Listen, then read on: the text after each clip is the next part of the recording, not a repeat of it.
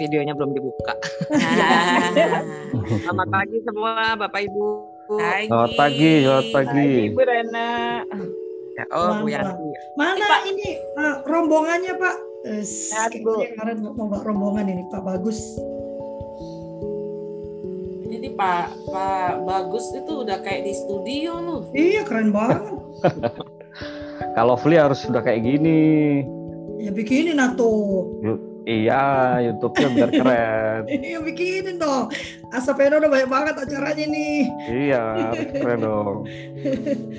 Itu katanya mau di mau di relay ke TV UT. Oh, Iya. Makin keren. Kalau saya bisa kultur parenting pagi ini di relay mereka juga ah, luar biasa ya kan. oke. Nanti saya ketemu Pak Rektornya dulu. Kita mulai ya. Kita buka ya.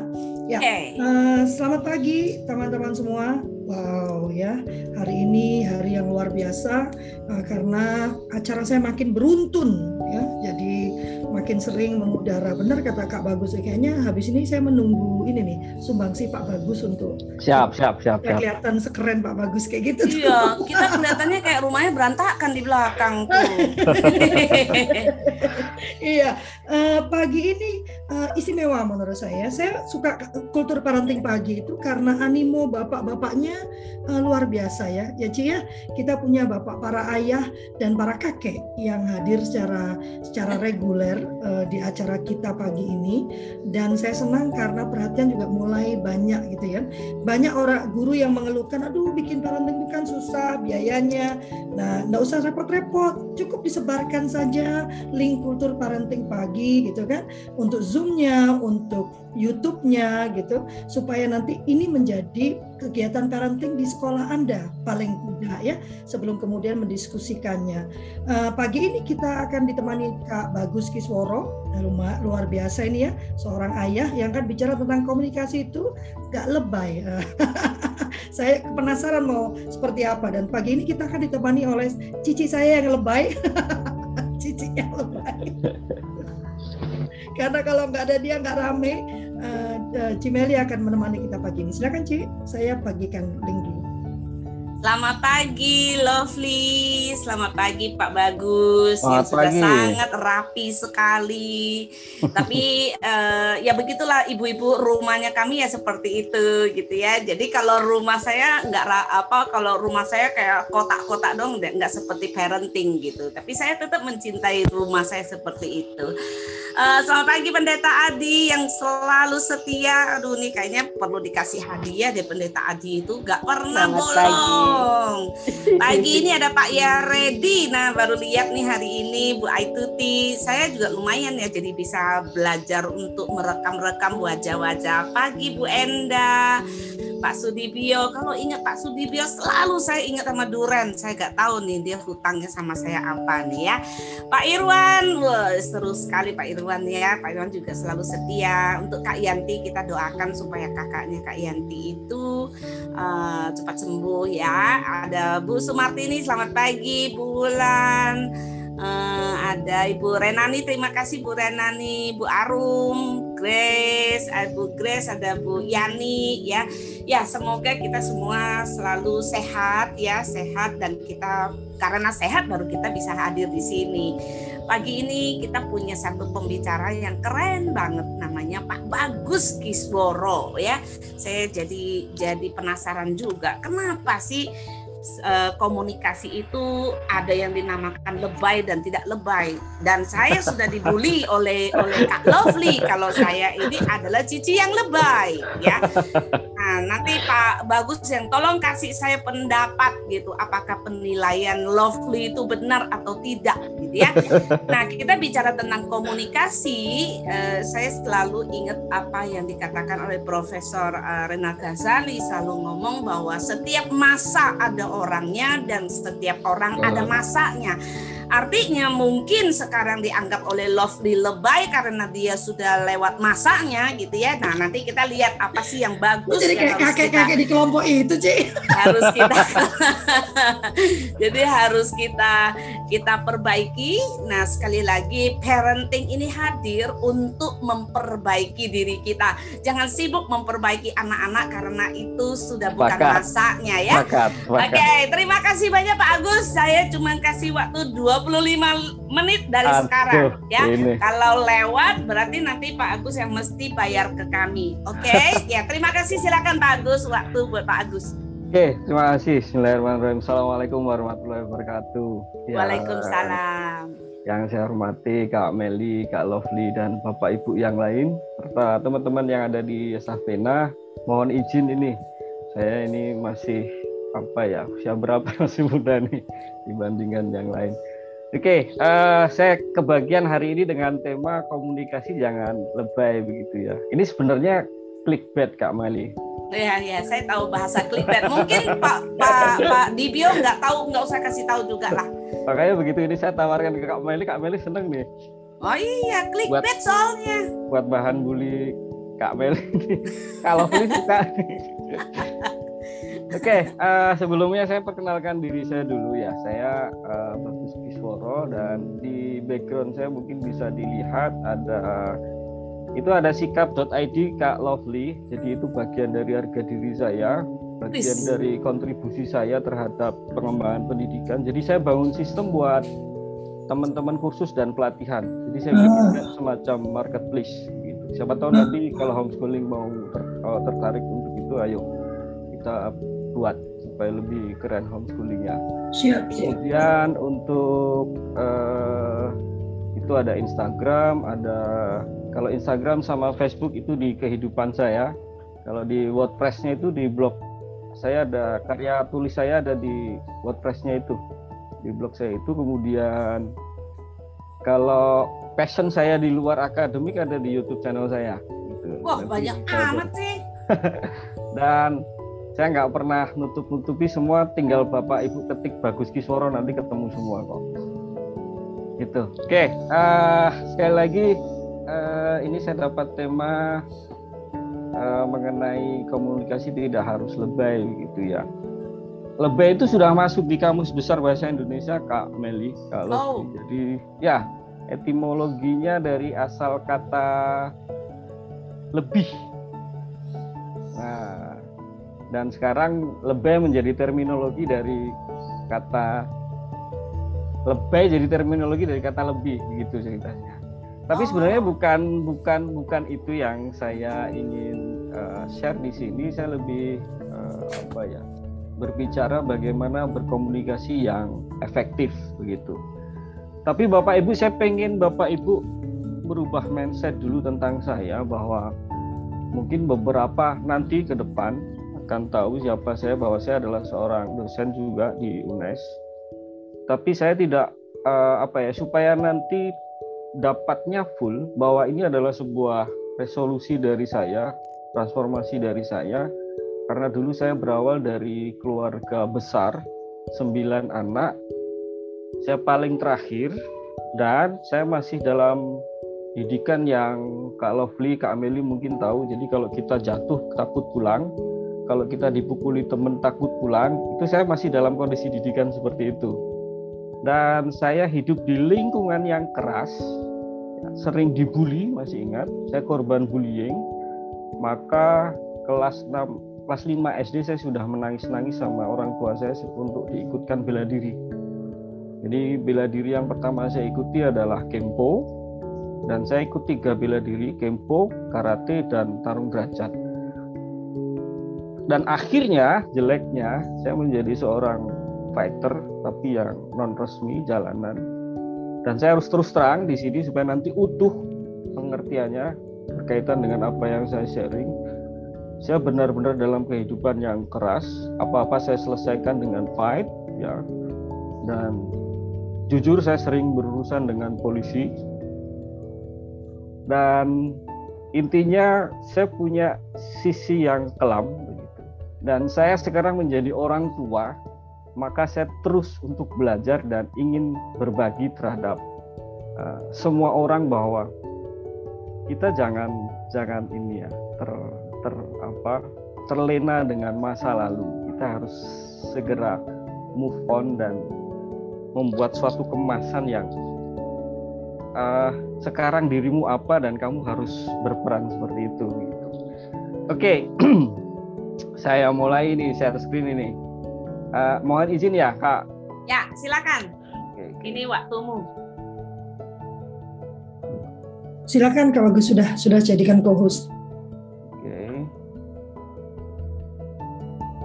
Ya, Uh, Kak Lovely ini PowerPoint saya sederhana karena saya paham nanti suatu saat masuk di YouTube takutnya nanti Kak Lovely kena ban ya.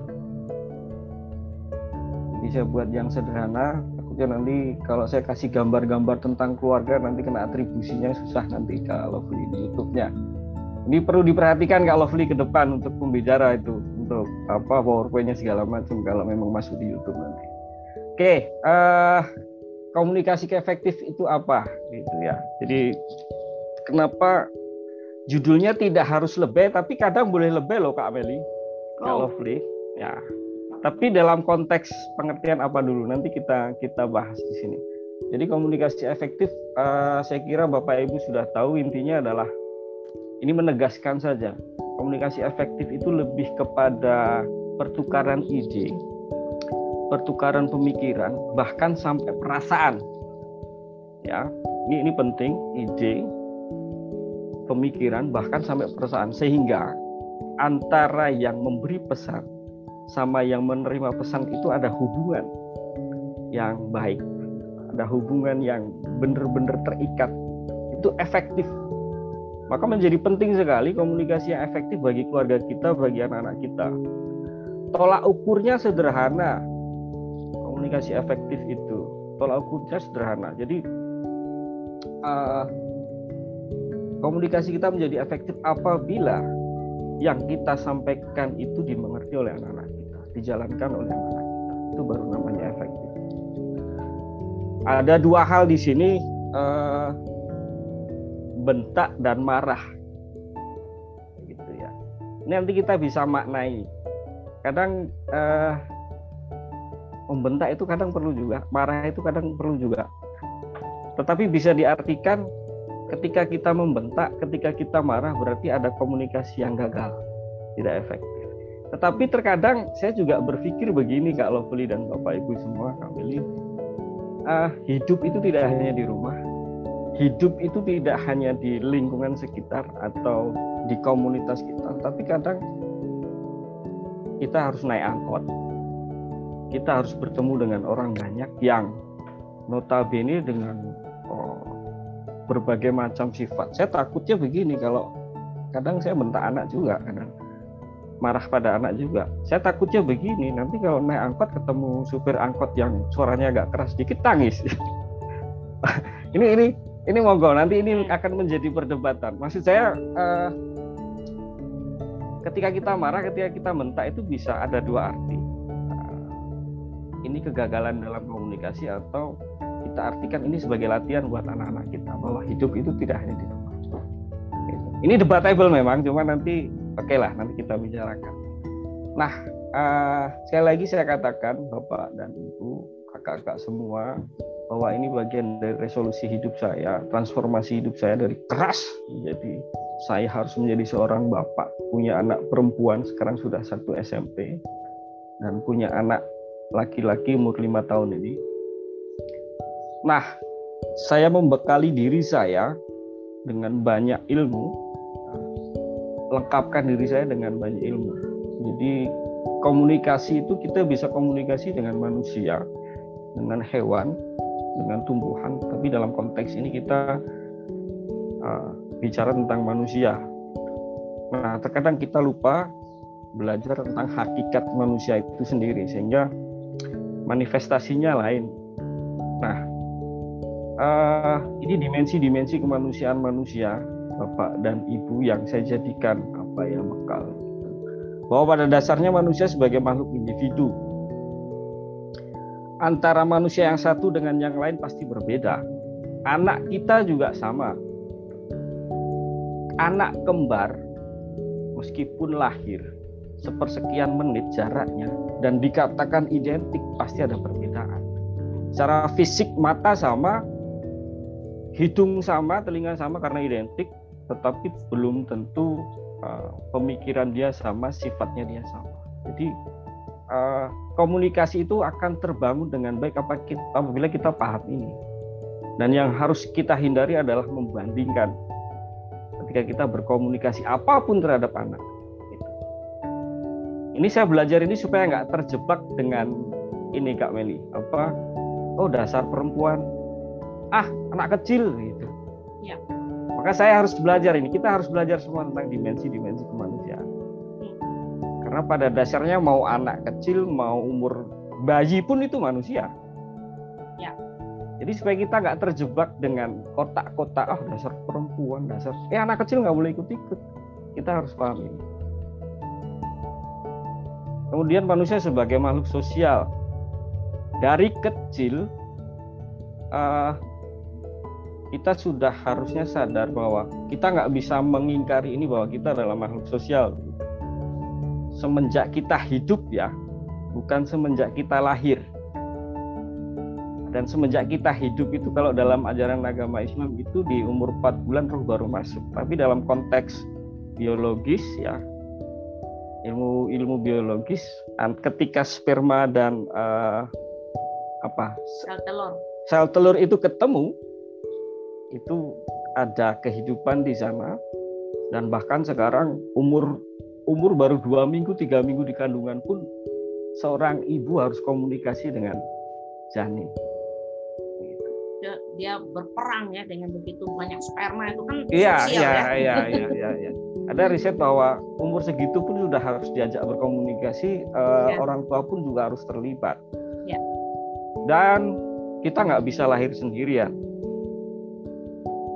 kita nggak bisa lahir sendirian kita pasti lahir dengan bantuan orang lain kita ada di dunia juga nggak bisa sendirian artinya uh, kita butuh orang lain Nah, nanti akan saya tegaskan lagi dari slide berikutnya. Kemudian makhluk manusia sebagai makhluk susila. Dalam hidupnya manusia tidak bisa lepas dari yang namanya nilai. Gitu. Ini saya ada ada ada ada cerita. Kak Lovely tolong nanti dijawab ini atau Bapak Ibu yang lain. Gini Kak, kaitannya dengan nilai. Ini ada seorang ibu yang nyuruh anaknya pergi ke Indomaret untuk beli roti. Kemudian ibu itu kemudian um, minta tolong sama anaknya, nak tolong belikan ibu roti di Alfamart. Tapi kamu pakai helm ya, karena di depan ada polisi. Kira-kira menurut Kak Lovely, Bapak, Ibu, dan kakak-kakak semua, nilai apa yang hilang? Kira-kira apa Kak? Yang jawab aku apa yang lainnya? Oh boleh yang lain. Yang lain dong jangan saya. Ya siapa aja jawab ayo. Ayo Bapak Ibu. Kaitannya dengan komunikasi lekat banget. Hati-hati ketika berkomunikasi dengan oh. anak kita. Karena pada dasarnya anak kita juga manusia. Nilai patuh yang hilang. Mm, no. Enggak. Nak, tolong belikan ibu roti. Tapi kamu pakai helm ya karena ah. di depan ada polisi. Itu Pak ya, Yaredi itu, Pak Yaredi kayaknya mau Ya, uh, ya nilai izin Pak ya? Bagus, ya izin Pak Bagus nilai ya, ya, nilai ya nilainya di sana adalah nilai menyampaikannya Pak. Ya. Hmm, belum nah, empat, Pak. Satu lagi. Tadi udah Bu Enda ah, yang disiplin. Bagus. Ya, ya, ya. Nah, Pak Tono nih, Pak Tono. Ya, Pak Tono ayo. saya melihat di situ ada sesuatu yang nggak bagus di penyampaiannya. Iya, Artinya ya. dia memakai uh, karena ada polisi harus pakai helm. Pertanyaannya kalau tidak ada polisi berarti nggak pakai helm. Berarti itu bukan kewajiban menurut saya. Nah itu itu, itu yang iya. salah menurut saya. Ya. Jadi pakai helm karena ada polisi. Gitu. Ya, ya. Uh, rasionalnya udah tepat Pak udah udah udah tepat. Tapi sebenarnya uh, pertanyaan saya adalah nilai apa yang hilang? Oh iya. Ya. ya. Value yang hilang adalah tapi udah udah udah pas pak. Value yang hilang adalah nilai dari helm itu. Iya. helm itu. Nari juga. ya helm itu untuk keselamatan untuk iya, menjadi kepala kita bukan untuk menghindari polisi. Tapi kan umumnya kalau orang nggak pakai pakai helm itu bukan karena untuk keselamatan, karena takut sama polisi ya. Ya, ya, ya, okay. ya, ya. Ini akan semakin menarik bu. Makanya uh, kita harus belajar ini manusia sebagai makhluk susila penuh dengan nilai. Hmm. Sekali kita salah menyampaikan sesuatu hal terhadap anak, maka ini akan minded melekat pada anak. Ya. Nak, jangan buang sampah sembarangan nanti dimarahi Pak RT. Kemudian dia di sekolah buang sampah sembarangan. Ditegur sama temennya. Kamu buang sampah sembarangan kenapa? Nggak apa-apa nggak ada Pak RT. Nilai dari membuang sampah hilang. Iya. Ya. Setuju. Ya. Ini makanya harus hati-hati ketika berkomunikasi dengan anak-anak kita. Ya sebagai manusia pada hakikatnya dia penuh lekat dengan nilai. Dan ini yang paling parah ya, kita sebagai orang dewasa orang tua selalu menyalahkan oh, anak muda sekarang nggak punya sopan santun bla bla bla bla. Kita kadang nggak sadar bahwa kita penyumbang dari kesalahan itu. Contoh konkret eh, kata presensi berubah menjadi absen. Dia hadir tapi aku absen dulu. Value dari kata absen tidak hadir. Nilai dari kata absen tidak hadir. Dan anak-anak kita kenal pertama kali kata presensi dan absen itu dari siapa? Sekolah. Dari guru. Dan kita terkadang suka jalan-jalain itu. Ini maka sekali lagi saya katakan bahwa Eh, komunikasi itu tidak sebatas komunikasi berbicara. Bagaimana yang efektif ketika kita paham dengan kondisi ini. Next, ada manusia sebagai makhluk religius ya, dan ini selalu diartikan kalau religius itu beragama. No, religius itu lebih kepada manusia yang percaya atau yakin ada kekuatan besar di, di luar dia kalau kita sudah paham dengan konteks ini, maka nggak perlu kita terlalu marah-marah, bentak-bentak kalau anak kita nggak nggak sholat, nggak beribadah di gereja dan segala macam. Kita harus paham ini. Intinya manusia semua itu punya punya dimensi religiusnya. Tinggal bagaimana cara kita supaya efektif mereka mau itu saja. Sebenarnya masih banyak. Saya lanjutkan dulu. Nah ini literasi yang saya harus harus bapak ibu uh, tahu juga, gitu ya. Ada beberapa teori ini karena dosen. Enggak, saya lebih kepada ingin menyampaikan bahwa ini perubahan saya Kak Lovely, Kak Meli dan Bapak Ibu yang lain. Jadi saya harus belajar full supaya saya uh, ngeri lah kalau ingat zaman dulu itu itu jadi saya harus benar-benar paham tentang ini. Ada ada pemahaman lagi tentang tumbuh kembang anak kita itu dengan adanya teori nativisme, empirisme, naturalisme dan konvergensi. Ya, supaya kita tidak terjebak dengan apa ya, membandingkan atau saya ini dosen tapi anak saya kok nggak bisa apa-apa. Saya ini penyanyi tapi anak saya kok nggak bisa nyanyi. Kalau kita sudah paham ini nanti komunikasinya akan menjadi enak Teori nativis itu lebih memandang kepada tumbuh kembang anak dipengaruhi oleh bakat dan minat. Bakat, sorry, gawan bayi kalau bahasa Jawa. Kalau empiris itu lebih kepada tumbuh kembang anak dipengaruhi oleh pengalaman. Kita harus paham ini. Dari naturalis gitu. Ini yang eh, orang-orang paham naturalis itu menganggap bahwa edukasi anak itu jangan terlalu banyak diintervensi. Ini contohnya kayak anak-anak kecil yang suka lari-lari. Ini saya dulu punya waktu anak saya kecil itu suka lari-lari kalau semakin ditegur dia semakin tambah lari-larinya. Nah terkadang pemikiran naturalis ini perlu kita pakai. Biarkan dia jatuh gitu. Biarkan dia jatuh, kemudian dia ada luka gitu dan baru kita proses belajarnya di sana. Kemudian ada teori konvergensi dan ini lebih bijak gitu ya. Dia mengambil dari pemahaman berbagai macam aliran untuk uh, memahami tumbuh kembang anak. Dan untuk eksekusinya kita harus paham behavioristik, kognitif, dan konstruktivis. bagaimana berkomunikasi yang akhirnya menjadi pembiasaan supaya mereka tumbuh kembangnya menjadi baik. Ini behavioristik itu membahas tentang uh, tumbuh kembang anak atau perilaku manusia itu tergantung pada pembiasaannya bagaimana. Kemarin uh, tadi malam Kak Lovely bicara dengan Kak Seto mengenai anak yang tidak beribadah, sholatnya telat dan segala macam, tinggal bagaimana pembiasaan, bagaimana komunikasinya. Ya, buat saya ketika uh, ayo uh, ayo sholat, ayo kita mengaji, tetapi orang tua tidak melakukan itu, tidak tepat waktu, itu yang dinamakan dengan komunikasi yang tidak efektif. Jadi komunikasi bukan hanya verbal saja, tetapi mungkin bisa dipelajari nanti. Ada bahasa tubuh juga, ada manifestasi dari verbal juga. Jadi ini penting. Kemudian kognitif begitu. Uh, ini lebih kepada daya pikir begitu ya. Tumbuh kembang anak itu full ke kognitif juga. Kemudian ada teori konstruktivis, artinya ini teori untuk saya uh, mengeksekusi dengan apa yang saya ketahui. Saya harus membiasakan dengan komunikasi yang baik. Saya harus membiasakan dengan komunikasi yang apa adanya.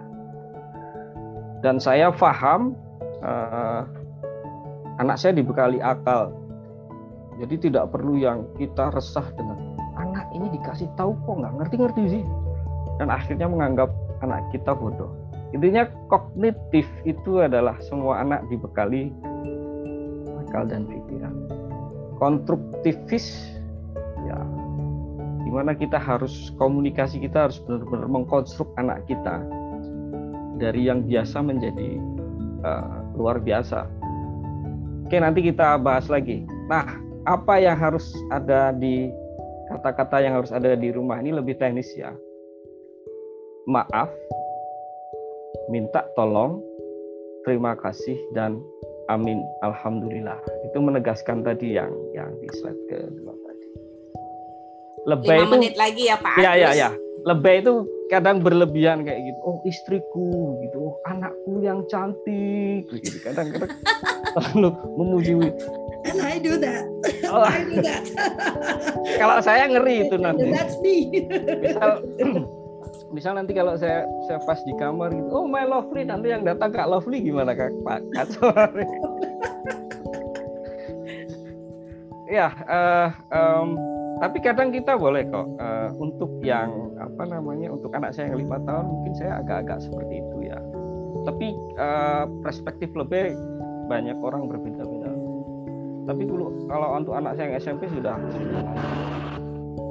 maaf itu representasi dari kita paham sebagai manusia Bapak Ibu bahwa kita sejajar dengan anak kita bahwa kita manusia punya kesalahan. Jadi sampaikan saja secara lugas bahwa ketika kita salah, ya kita salah sebagai orang tua. Maaf ya nak, ayah salah. Saya kira kamu tadi seperti ini. Sampaikan saja dengan lugas bahwa ini nanti bisa membesarkan anak.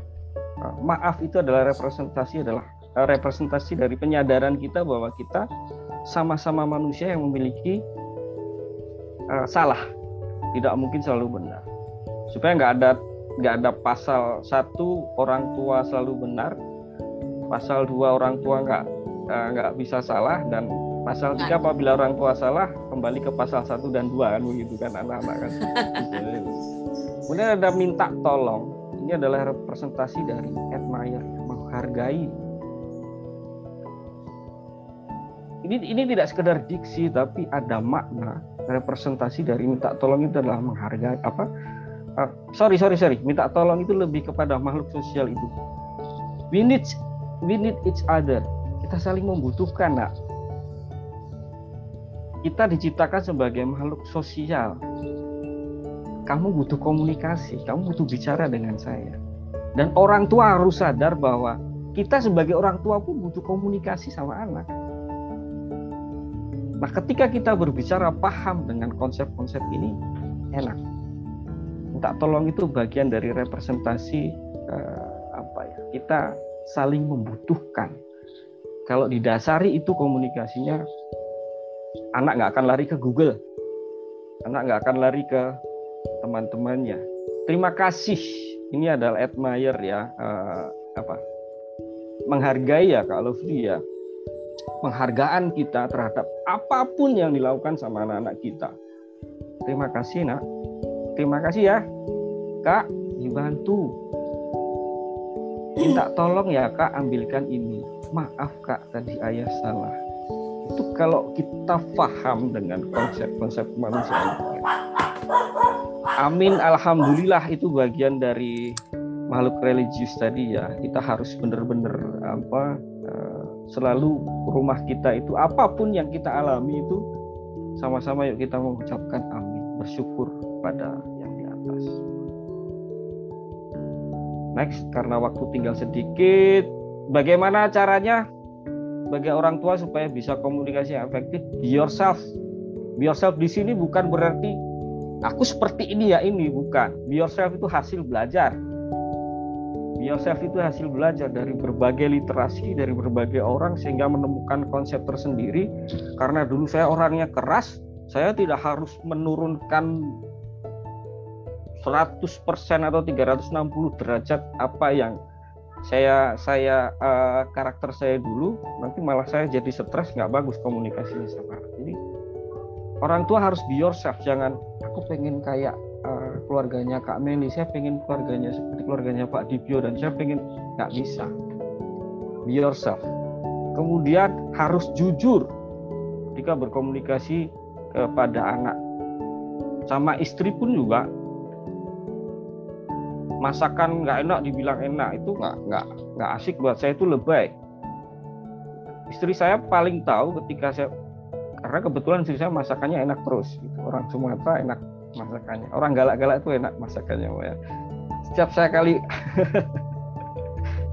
pokoknya setiap dimasakan dimasakin saya makan dan saya bilang ini ketika kurang asin ya saya sampaikan udah kurang asin ini ternyata. Takut dimarahin ya pak Enggak. Ini komunikasi yang harus benar-benar ini harus saya sampaikan. Harus jujur. Kalau mau efektif, ada perubahan yang lebih baik ya harus jujur. Iya betul. Iya sama anak pun juga ketika, nak eh, kak saya nggak suka loh kak dengan cara kakak tadi seperti itu. Saya harus sampaikan dengan jujur. Ya, setuju. Dan saya tidak harus bertele-tele. Anak saya sudah paham nanti. Oh karena sudah tahu sifat saya yang apa adanya jujur dan tulus. Ketika marah pun saya tulus marahnya nggak main-main. Ketika ketika bercanda pun juga kadang saya tulus gitu serius gitu ya. Marah juga serius saya. Papa ya, malah dengan tulus nih ya? Baru iya. tahu marah dengan tulus. Oke. Okay. iya dong. Marah harus tulus dong karena yes. untuk perbaikan. Oke. okay jangan jangan untuk pelampiasan. Okay. tapi lebih kepada ya untuk perbaik itu tulus. Dengan hati. Anak akan tahu kok. Anak akan tahu. Iya maksud ayah tadi marah. Pernah saya kedatang waktu saya marah anak saya tuh datang dengan nangis dan saya ikut nangis. Saya merinding ini. Ayah marah saya tahu ayah tulus karena ayah pengen saya jadi baik ya ya itu keluar dari keluar dari mulut anak saya sendiri. Betapa bahagianya saya karena ya ting dulu saya memang benar-benar ketika saya marah untuk kebaikan anak saya. Ya. Kalau berdebat dalam konteks nggak boleh marah-marah nggak boleh bentak-bentak itu itu itu diskusi lain nanti ya. Ya kehidupan tidak hanya di rumah saja.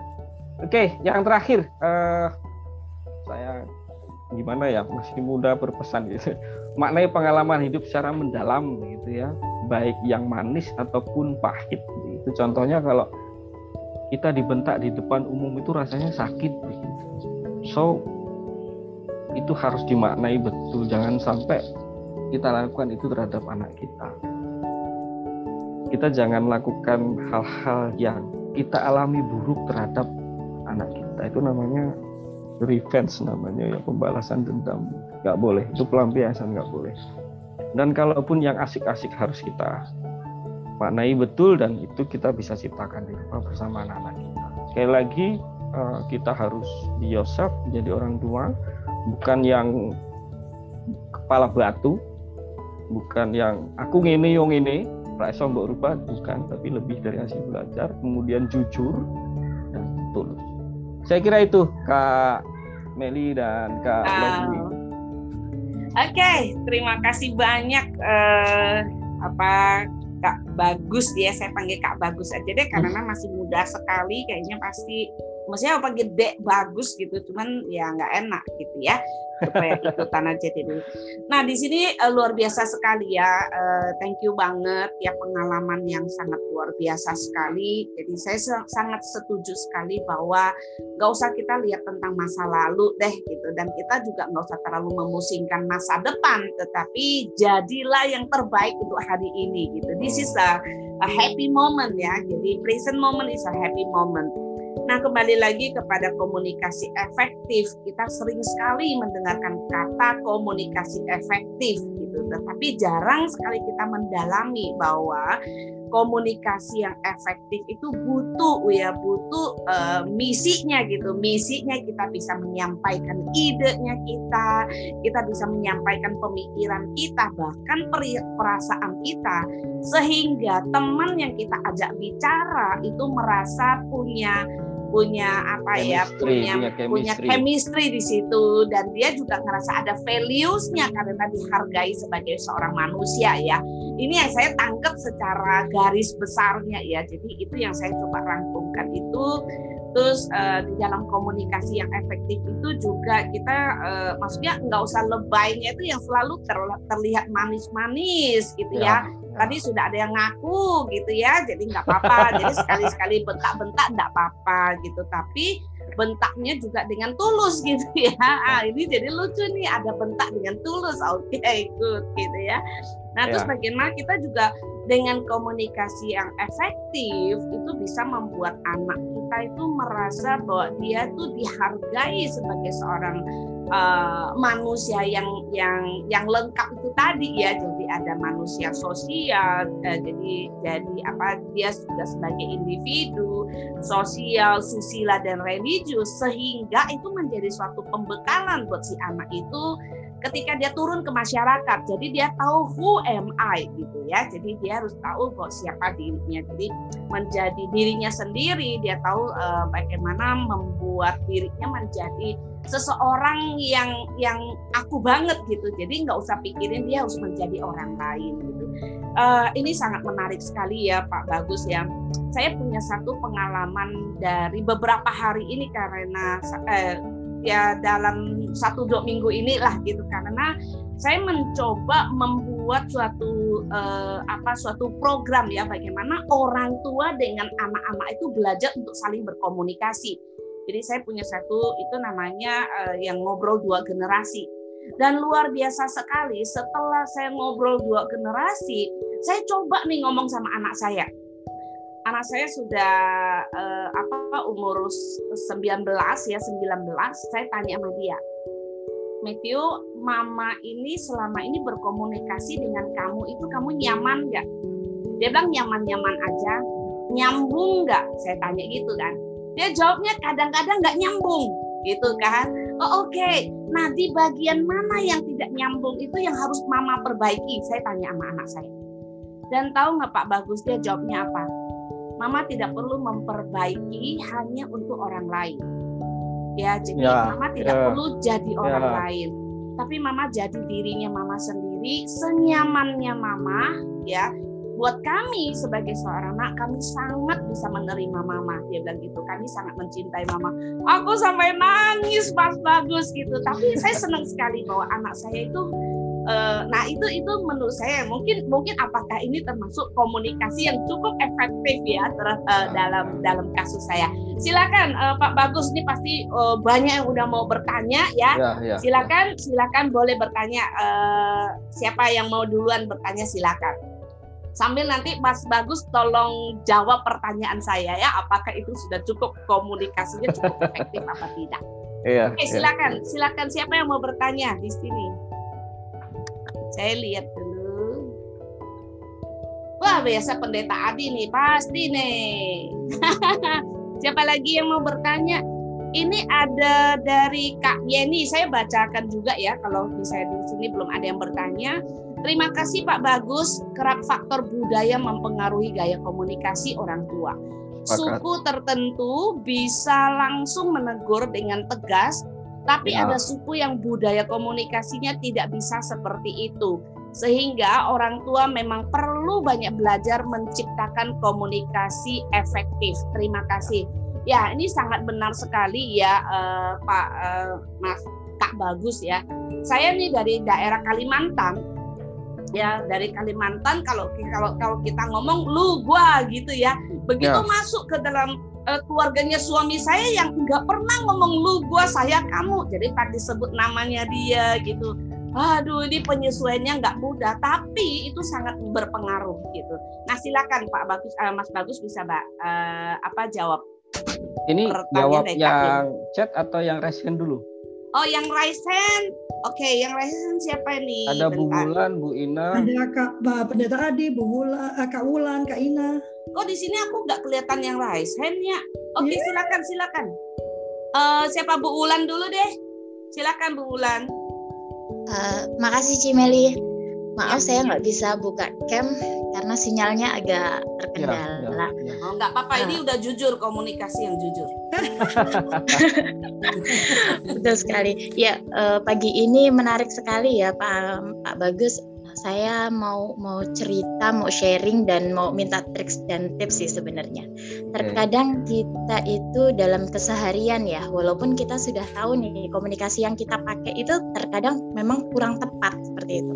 Tetapi uh, karena mungkin karena itu sudah uh, sering kali terbiasa kita lakukan, jadi balik lagi, balik lagi, balik lagi kayak gitu baik sebagai orang tua maupun sebagai pendidik, terkadang kita itu memberikan motivasi terhadap anak itu justru jatuhnya cenderung membandingkan anak kita dengan anak orang lain kayak gitu.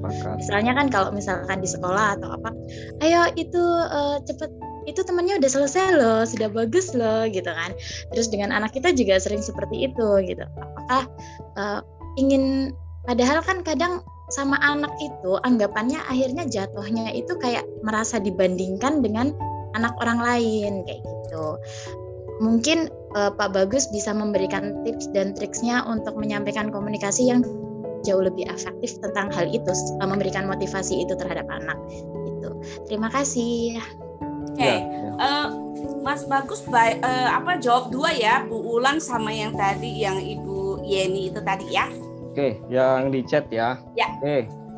Masalah budaya, ya sebenarnya gini, sebenarnya gini. Uh, talking about parenting is is not about how to be a good parents ya, tapi kita harus belajar tentang human ya being secara keseluruhan. Jadi sebenarnya apa yang saya sampaikan itu lebih yuk memperbaiki diri kita dulu sebagai orang tua. Kita harus belajar banyak hal, kita paham tentang hakikat manusia, dimensi-dimensinya, supaya kita nanti komunikasi kita itu terciptanya dengan pemahaman itu. Gitu. Hmm.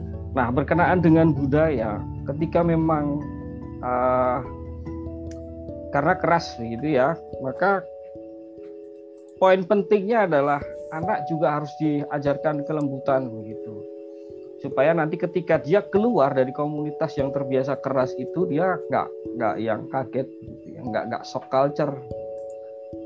Nah perlu diajarkan komunikasi yang lembut juga.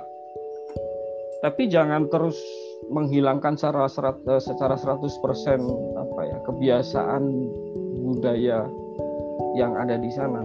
Itu malah menjadi sebuah apa ya keragaman. Jadi konkret saja istri saya kan orang Aceh. Kalau ngomong juga keras apa adanya ada masalah sedikit langsung disampaikan saya juga belajar dari itu jangan merasa kalau budaya kamu itu ngomongnya keras itu bukan hal yang jelek tinggal ketika memang keras ya harus ada diimbangi dengan yang lembut bagaimana tujuannya supaya ketika anak itu keluar daerah keluar dari komunitasnya dia bisa uh, langsung beradaptasi Intinya itu saja. Ibu tetap bertahan saja dengan budaya itu nggak masalah. Budaya di Kalimantan dengan bicara yang keras, matra yang keras itu bukan suatu hal yang negatif. Kenapa kita harus berpikir itu negatif? Enggak dong. Memang memang kebiasaannya seperti itu kok. ya diajarkan saja komunikasi dengan kelembutan kalau menurut saya kok seperti itu gitu. dan uh, saya berbicara tentang cara yang saya kira cara saya mungkin tidak tepat untuk cara orang lain gitu. Jadi saya kira penting bagi orang tua paham dulu tentang konsep kemanusiaan itu apa. Gitu. Ya. ya. Next uh, Bu Wulan tadi ya. Uh, supaya kita terhindar dari membandingkan yaitu tadi kita harus uh, tidak hanya melihat dari sisi bawah itu murid sama-sama TK-nya, tapi keseluruhan dari anak itu itu harus kita lihat. Uh, ketika kita sudah uh, belajar tentang hakikat kemanusiaan kita singkirkan dulu itu dia latar belakangnya apa dia agamanya apa dia dari keluarganya siapa kita singkirkan dulu. Tapi ketika ada isu yang harus kita selesaikan baru kita gunakan itu ya. Oh anak ini susah seperti yang lain karena ada masalah di rumah. Jadi kita jangan jangan langsung mengambil uh, keputusan bahwa yang saya lakukan harus ini membandingkan dengan yang lain tidak. Tetapi sebelum semua itu pahami dulu anak ini kenapa kok nggak mau yang seperti yang lain. Jadi jangan jangan uh, eksekusinya jangan komunikasi dulu. Eksekusinya adalah ibu harus selesaikan masalah yang ada di belakang itu apa. Hmm. baru nanti komunikasinya bisa sama kok dengan yang lain kita udah pusing dulu nyari komunikasinya bagaimana tapi kita nggak menyelesaikan apa yang menyebabkan itu. Ya. Gitu ya bu. Mengerti ya bu yang saya ini, nangkep ya? ini. ya mudah-mudahan Bu bisa ini Pak Tono bisa tolong di unmute eh, enggak. Tolong di mute ya Pak Tono sorry. Tolong di mute dari host ya. mungkin. Udah. Oke. Okay. okay uh, ya mudah-mudahan Bu Ulan bisa bisa dapat. Oke, okay, satu lagi Pak Ad, eh, Pendeta Adi, silakan. Nanti ada Pak Tono, ada Pak Ika Ina juga ya yang yang angkat tangan sekarang. Tapi Pendeta Adi dulu. Oke, ya, dua lagi kasih. ya. Saya waktu kita mau habis. Silakan ya. uh, Pendeta Adi. Saya beri apresiasi bagi Pak Bagus uh, apa materi yang disampaikan pagi ini saya menangkap ada kejujuran di dalam berbagi pengalaman tapi juga memperbaiki diri dengan uh, teori-teori yang digunakan. Nah, tadi Pak Bagus sudah katakan bahwa kalau marah dan bentak itu bisa diperdebatkan. Nah, yang saya takutkan ini adalah uh, kita membenarkan membenarkan cara-cara yang kita gunakan di dalam berkomunikasi dengan anak-anak bahwa uh, wajar saja uh, saya marah, wajar saya wajar saja saya bentak. Nah ini mohon uh, tanggapannya. Terima kasih. Ya, ya, ya. Uh, intinya nggak nggak bisa dimakan mentah ya. Uh, kita manusia juga kadang kita uh, bisa marah bisa membentak. Kadang spontan membentak begitu ya. Uh, perlu perlu difahami tadi saya juga ada proses perubahan ya ibu. Dari kondisi yang hidup keras kemudian saya harus menjadi seorang bapak yang penuh dengan komunikasi yang lembut. Uh, maka menjadi pemikiran saya terkadang uh, kan saya maknai bahwa kalau marah yang tulus gitu ya. Jadi tidak harus dengan suara yang keras maksud saya. Marah kan bisa dengan apa ya? Uh, manifestasinya bisa dengan suara yang keras kemudian disebut membentak. Dan itu kadang spontan. Menjadi debatable ketika uh, orang itu tidak bisa memaknai marahnya untuk apa gitu. marahnya untuk tujuan apa ya jangan maksud saya marah itu bukan sekedar tiap hari marah-marah begitu ya. Ada masalah di kantor dilampiaskan di rumah begitu anak salah sedikit terus dimarahi bukan. Tapi lebih marah yang bertujuan marah yang tulus. Kalau menurut saya pribadi sebagai orang tua kadang kita perlu apalagi kalau anak saya nggak ibadah meninggalkan uh, sholatnya karena sudah balik itu kadang saya harus marah. Kamu tadi belum sholat ayo sholat. Itu buat saya sudah kategori marah bu. Kalau mungkin orang Kalimantan ah biasa itu. Ngomong kayak gitu. Orang Batak alah biasa itu. Kalau orang Jawa tadi kamu belum sholat ayo kak sholat. Itu kami melihatnya udah udah melihat marah. Tapi tulus betul itu kan untuk kebaikan dia jadi kalau ada orang bilang sama sekali marah nggak boleh gimana ya? Ya marah boleh tapi punya tujuan dan uh, tulus bahwa itu untuk kebaikan. Dan harus marah itu dibekali dengan berbagai macam literasi ya. Itu nanti kalau saya marahnya kelewat batas bahaya.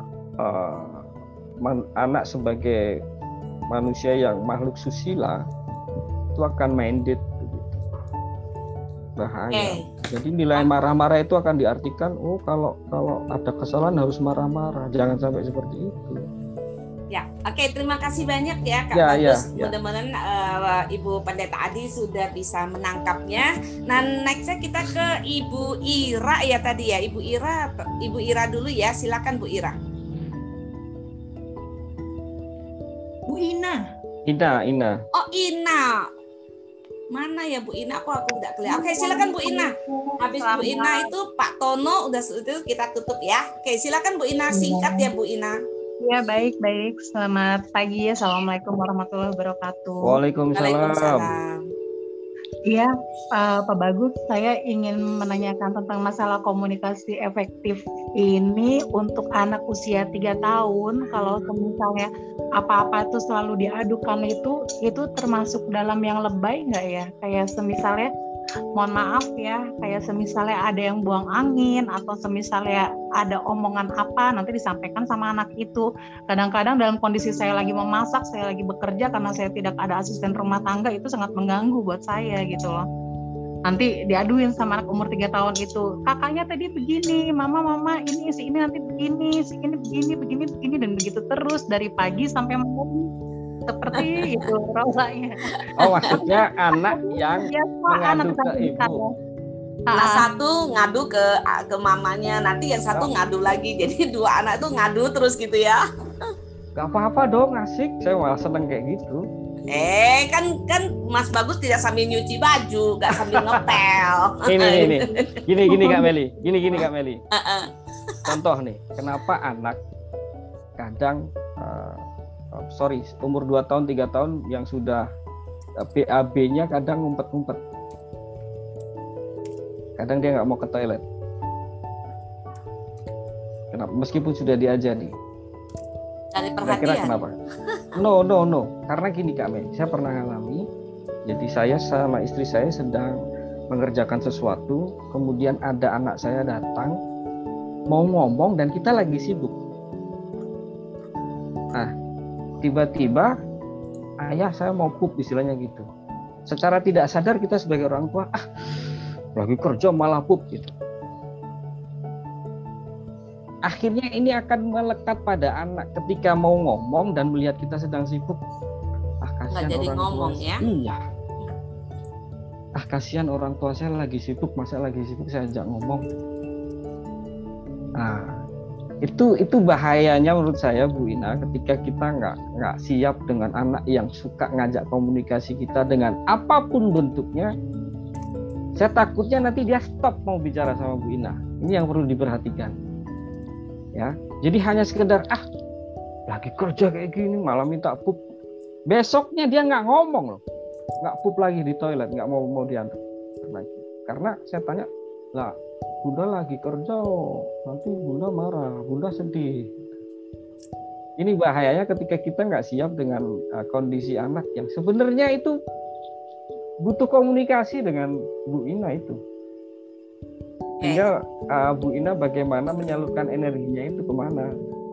Buat saya apa pun diadukan ya itu masih anak tiga tahun. Buat saya oke okay lah malah asik kalau menurut saya ya, ya, sekarang mindsetnya diubah ya, Bu Ina ya. Ya, ya. ya. Kalau kalau di, di stop malah bahaya nanti anak nggak mau lagi komunikasi sama Bu Ina loh nanti loh.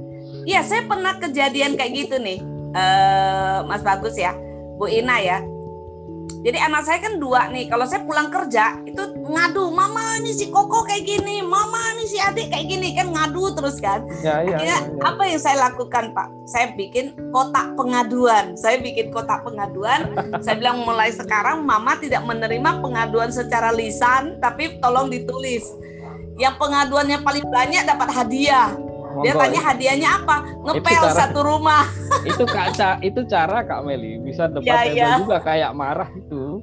Iya iya, tapi bagus gitu. Ya. Akhirnya yang penting jadi... yang yang perlu kita hindari adalah kerusakan gitu loh. Iya, iya. Okay. Ya, yang harus kita hindari adalah kerusakan yang lebih. Oke. Okay. tadi. Ya, Mas bagus ya. Uh, ya. Pak Tono terakhir. Silakan Pak Tono.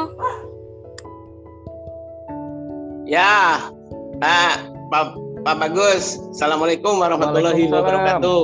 Ya, salam Pak Tono. Ya, ya ini ini sangat-sangat menarik kalau menurut saya. Saya juga menunggu ini sebenarnya momen ini. Jadi saya punya permasalahan sedikit, uh, tapi itu penting bagi uh, saya. Jadi intinya gini, Pak Bagus, saya punya anak tiga, sementara yang satu psikolog, yang satu dokter spesialis. Nah, dua-dua itu sudah keluar dari rumah. Tinggal yang satu anak ini. Nah, ini saya bingung kenapa satu anak ini senangnya tuh di dalam kamar gitu loh. Uh, dia hmm. usia 19, laki-laki.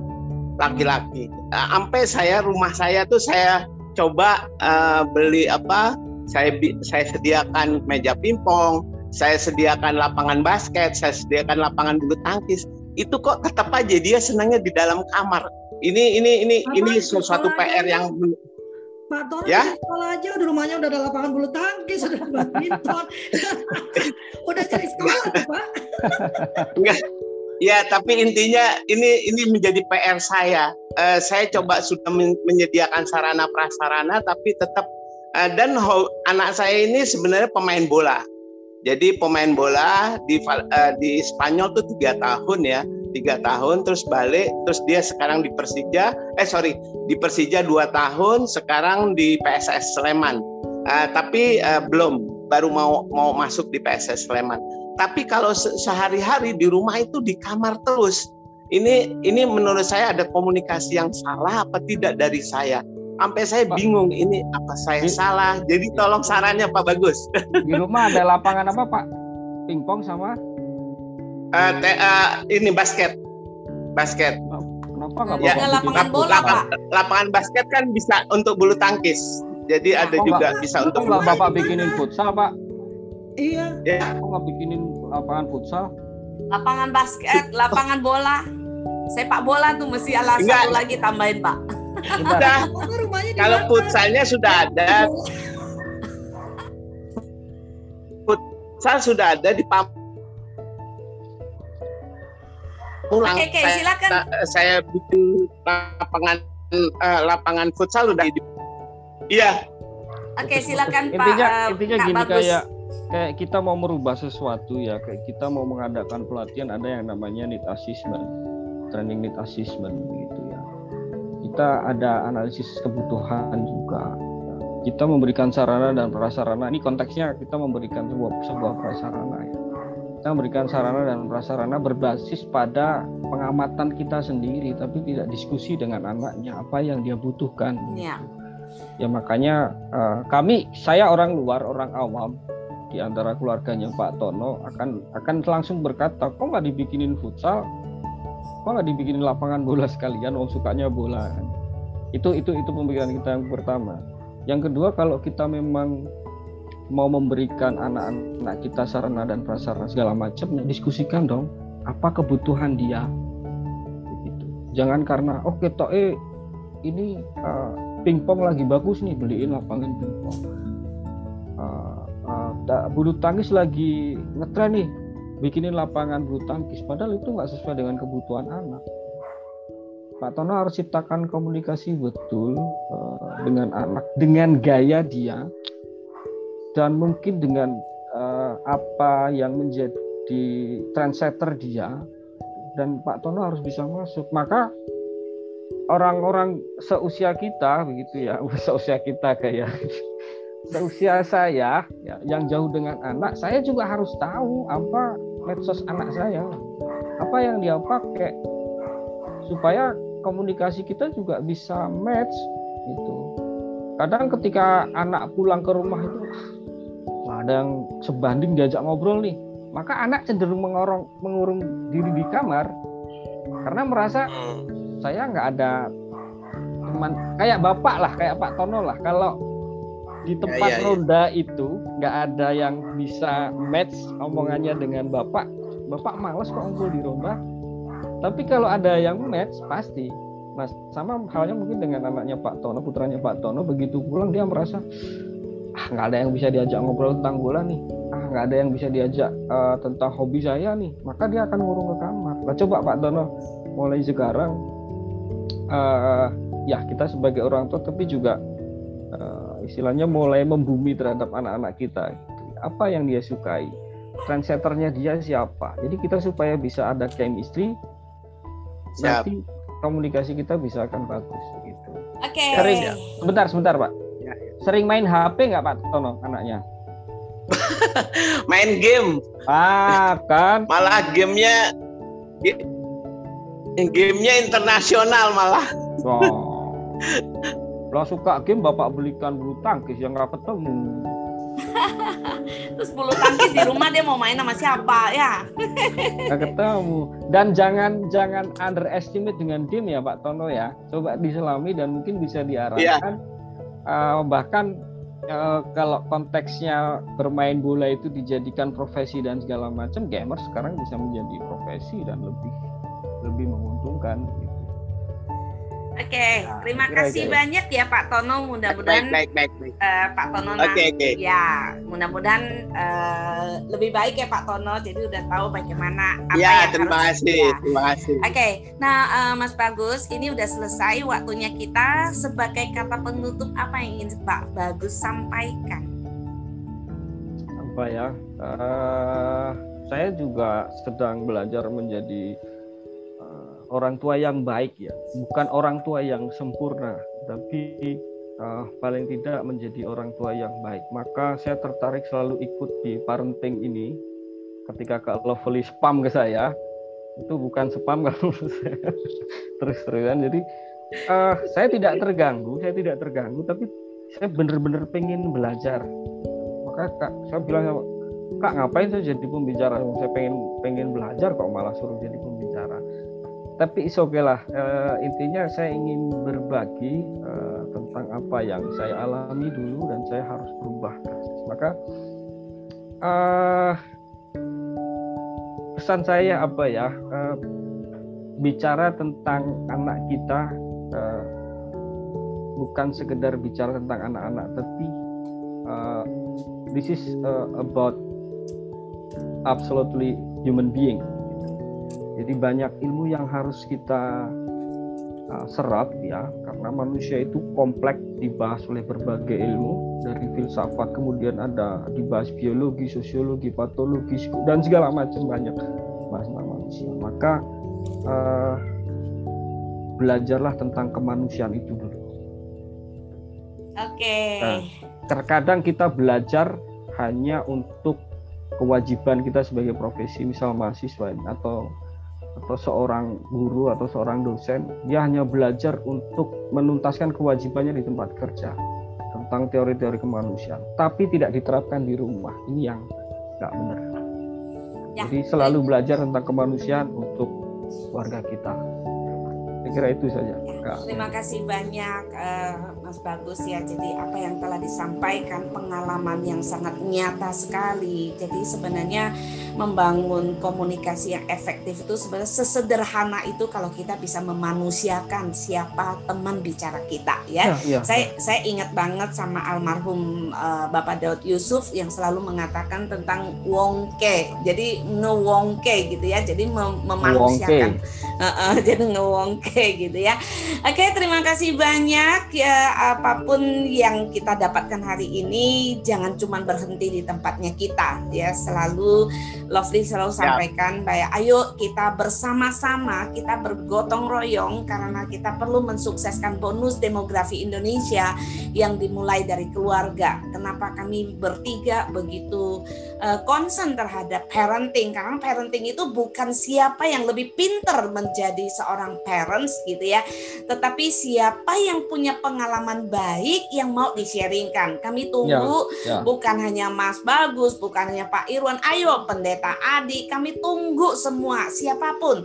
Saya punya kok Bu Meli, saya punya kok Kak Lovely, saya punya contoh yang sederhana yang telah saya lakukan, yang saya rasakan manfaatnya. Siapa tahu ini bermanfaat buat orang lain. Jadi inilah kultur parenting dan kita tidak membuat satu teori tersendiri tentang sebuah parenting, tetapi kita di sini belajar bersama-sama.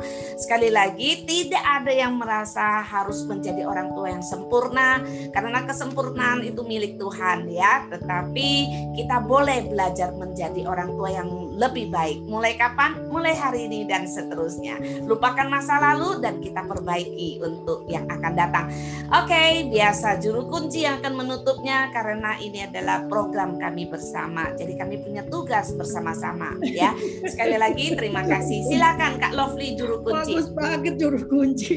Ya terima kasih Kak bagus. Uh, luar biasa ya. Uh, disampaikan dengan profesional gitu. Gak kayak mak-mak bertiga ini. Iya, ada beberapa yang ingin saya sampaikan begitu ya terkait dengan budaya misalnya. Ini memang salah satu yang terus menjadi perdebatan. Gak bisa kalau flame. Memang uh, budaya kami ini kalau ngomong keras gitu kan. Kami memang keras kalau flame. Ini bukan karena marah, ini keras gitu kan. Cuma ya itu kalau saya bicara dengan teman-teman dari Batak misalnya ya, uh, apa guru-guru yang berasal dari suku-suku tertentu gitu ya karena mereka menyatakan bersembunyi di balik budayanya untuk untuk untuk menjustifikasi apa yang sudah dilakukan selama ini. Tapi saya mengajak bahwa uh, kita ini uh, budaya itu adalah sesuatu yang evolve kalau menurut saya ya sesuatu yang berkembang. Dia bukan sesuatu yang mati. Dan budaya itu menuju pada keluhuran ya menuju pada keluhuran. Dia bukan sesuatu yang menjadi standar mati yang tidak bergerak menuju ke keluhuran. Maka saya selalu mengajak orang untuk merefleksi saja pada diri sendiri. Pada saat walaupun itu budaya kita, saya dari Surabaya sudah jelas uh, uh, sama Batak, sama dengan Ambon ya. Surabaya itu uh, uh, terbiasa dengan suara-suara keras gitu kan, dengan kata-kata yang quote unquote manis gitu ya, ya kan. Tapi kita bisa merefleksi pada diri kita sendiri. Pada saat itu semua terjadi pada kita, jujur, jujur ya, jujur di hati nurani kita apa yang kita rasakan. Saya percaya pasti semua merasakan ih gitu amat sih ngomongnya mama kan enggak ya ih gitu kan. Pasti kita merasakan itu. Nah itu sebetulnya alert pertama kita bahwa itu adalah sesuatu yang tidak boleh kita lakukan. Karena itu membuat we feel bad. Kita membuat kita sendiri merasa tidak nyaman ya. Itu saya selalu memakai uh, indikator diri saya sendiri saja.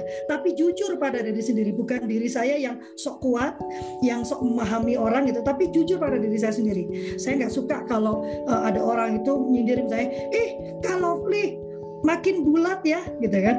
Eh seger amat jadi gede. Saya nggak suka. Maka anda tidak akan mendengar saya menyatakan itu gitu kan. Saya tidak suka orang bilang kayaknya uh, tanning ya agak iteman gitu kan ya kan. Uh, segala body shaming itu saya tidak terlalu nyaman. Sehingga anda tidak akan mendengar saya menyatakan itu. Karena perubahan itu dimulai dari kita bukan dari orang lain. Kalau kita mau orang lain berhenti bicara kasar bukan nunggu. Habisnya ngomongnya kasar kak kalau dia ngomong nggak kasar boleh, tapi kita mulai dari kita. Kita tidak mau orang membentak kita ya, jangan membentak dalam kondisi apa pun. Terkait dengan yang kedua, saya malah tertarik membentuk dunia yang baru. Tadi kan Kak Bagus bilang, habis gimana Kak? Di luar kan orang ngomongnya bentak gitu. Saya tidak bisa mengubah orang-orang di, di uh, zaman saya karena sudah demikian terbentuknya. Tapi saya membayangkan anak-anak saya hidup di dunia yang berbeda. Dunia yang penuh dengan kasih, dunia yang saling mengasihi, dunia yang menyenangkan. Jadi saya tidak memberikan gambaran dunia saya yang kacau balau ini kepada anak saya. Sehingga dalam konteks apa pun saya tidak membenarkan anak saya membentak gitu ya Kak Bagus ya. Saya ya, tidak ya. membenarkan anak saya membentak, tidak membenarkan anak saya melakukan kekerasan karena uh, uh, ada uh, apa filsafat yang mengatakan bahwa kita ini menyiapkan anak untuk dunianya jadi bukan ya. dunia kita. Di dunia kita terjadi kekerasan, di dunia kita terjadi rasialisme, di dunia kita terjadi kebencian. Saya membayangkan dunia dia nanti dia akan menciptakan dunia yang baru, dunia yang lebih baik dari dunia kita, ya kan?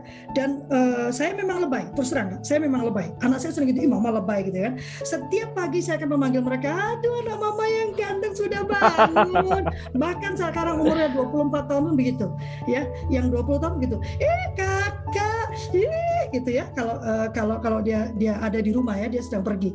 Uh, apa kabar saya? Gitu memang begitu. Apalagi kalau dia berbuat ih makasih ya dedek bikinin mama teh. Aduh baik sekali dedek gitu ya. Saya malah cenderung kalau pada kebaikan lebay karena itu yang diinginkan. Ternyata berbuat baik itu bukan sesuatu yang biasa. Berbuat baik itu sesuatu yang oleh ibu sangat dihargai, bahkan berlebihan dihargainya. Berbuat baik ya. Tapi pada saat dia berbuat kesalahan, nah baru jangan lebay. Biasanya kita tuh lebaynya di kesalahan. Kamu ya, coba Mama sudah bilang kan berkali-kali. Kamu Mama waktu dua hari yang lalu Mama udah ngomong. Dua minggu yang lalu, nah kita lebay pada kesalahan. Tapi pada kebaikan kita abai. Nah, karena menurut kita ya memang baik itu harusnya baik. Ya, dulu saya merasakan banget. Kalau nilai saya bagus itu tidak terjadi tidak terjadi apa-apa. Tapi kalau nilai saya buruk, wah itu e, bencana itu akan ada diskusi panjang lebar. Yang terakhir, e, apa? Memang pada manusia menurut saya tadi kita bicara tentang sperma ya yang bersaing menuju ke sel telur. Jadi bagi saya manusia itu pada dasarnya memang pesaing kita tuh saling bersaing satu sama lain dari awalnya. Karena itu yang perlu kita tumbuhkan bukan persaingan lagi.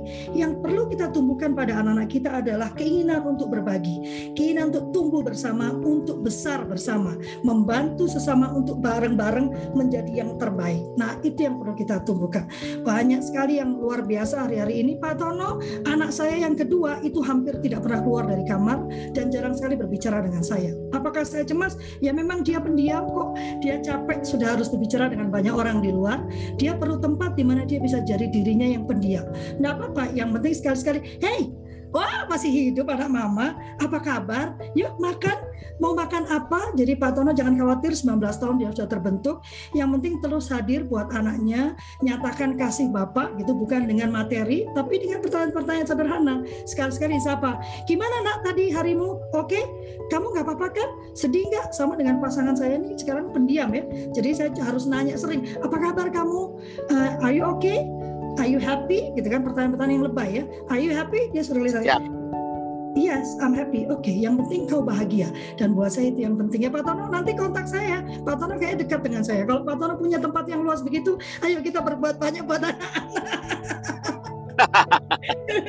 Silakan kontak saya di. Baik, baik, baik, baik. Oke. Okay, Oke. Okay. Ya. ya, tunggu dulu. Aku kasih. Foto dulu, foto dulu, foto dulu.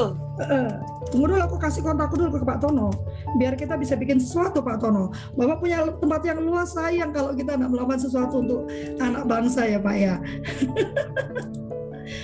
Pak Bagus telat Pak Bagus ya Baik. Iya sampai bikin ini saya nggak mungkin ikut main kan. Saya bisa jadi bola kalau kata Pak Irwan Lovely, pakai jadi basket, jadi bolanya yeah. kali ya. Yuk teman-teman dibuka dulu Pak ya ready. Uh, Ibu Renani, Kak Ina, Kak Ulan, Pak Tono boleh dong dibuka kameranya karena Bapak dekat dengan saya di Pamulang ini. Kak Ira, Pak Masri sudah sehat kah? Oh gitu. Iya, Bapak dekat. Makanya saya ajak ayo kita berbuat sesuatu. Kalau Bapak punya lahan yang luas ini uh, menarik sekali karena saat ini banyak anak yang membutuhkan ruang-ruang untuk untuk berekspresi, Pak. Apalagi kalau anak Bapak sudah pemain bola kan itu akan jadi jadi daya tarik sendiri dan mungkin bisa membawa anak Bapak keluar dari kamarnya. Tolong kontak saya Pak ya, itu ada di ada di chat nomor saya. Ya Bu Ina mana Ibu Renani udah bisa. Oke. Foto ya. Hai Pak Debio kakekku tersayang. Saya kan pendengar yang baik. Soalnya Kak Lovely tadi. Nah, cuma pendengar yang baik tuh dia sama Kak Bagus. yang baik tuh belakangnya udah jadi. Oke, kita nah, caranya Pak Sudibyo mengkomunikasikannya kepada kita ini luar biasa tuh di belakang dia ya, tuh flyernya tuh. Nah, ini kakek iseng nih. Nah, saya serius ya, ya. saya. Ini salah satu bonding saya terhadap kawan-kawan. Ya. Ya, kita ya, mari kita berbuat sesuatu. Ayo saya foto ya. Satu, dua, tiga. Ini Pak Irwan lagi di mana nih Pak Irwan? Lagi di klub? Iya dia kayaknya lagi clubbing sih. Pak Irwan lagi jalan kaki biasanya. Itu lagi di clubbing, lagi clubbing itu. Ya, uh, Oke. Okay. Maaf bagi teman-teman yang sering mendapatkan spam saya, oh, spamming, uh, karena bagi saya saya penyebar kebaikan, mau diterima ya. mau tidak itu sudah urusan yang menerima, tapi tugas saya adalah menyebarkan kebaikan ya, karena saya percaya parenting ini kalau buat saya sudah jadi obsesi ya, ini sangat penting, sangat penting. Kita harus mulai melihat peran kita itu sebagai sebuah ilmu, jadi harus belajar, tidak bisa memakai insting, harus belajar. Dan kultur parenting menyediakan beragam pembicara karena kami tidak mau mengkooptasi ya cuma satu ya, tapi kita sediakan banyak dan para keluarga boleh memilih mana metode yang paling tepat sesuai dengan value-nya.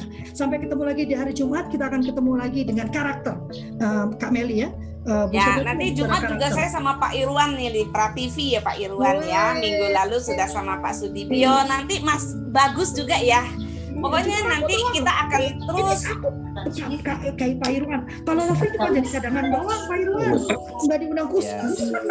Kalau sama Pak Pak Irwan jangan dipanggil Pak Kak Kak Irwan. Oh Kak Irwan ya ya ya ya. Betul betul betul. Bukan kayak Orang masih muda dipanggil Pak. Masih muda cucunya. Nah ini ceritanya komunikasi efektif nih maksudnya. Hmm. jangan panggil Pak Sudibyo itu kek. Jadi ganti panggil Kak. Ya lain iya, kali semua panggil Kak Dibio. Halo Kak Dibio. Ya, bu, ini toh bu, bu bu. Kak apa kabar? Kau pakai nama suamimu? Pak Wawan Sofwan ini. Oh oh ya, ya. neuroparenting bagus loh. Apanya neuroparenting. Habisnya saya dibilang ke padahal ini simbolnya neuroscience.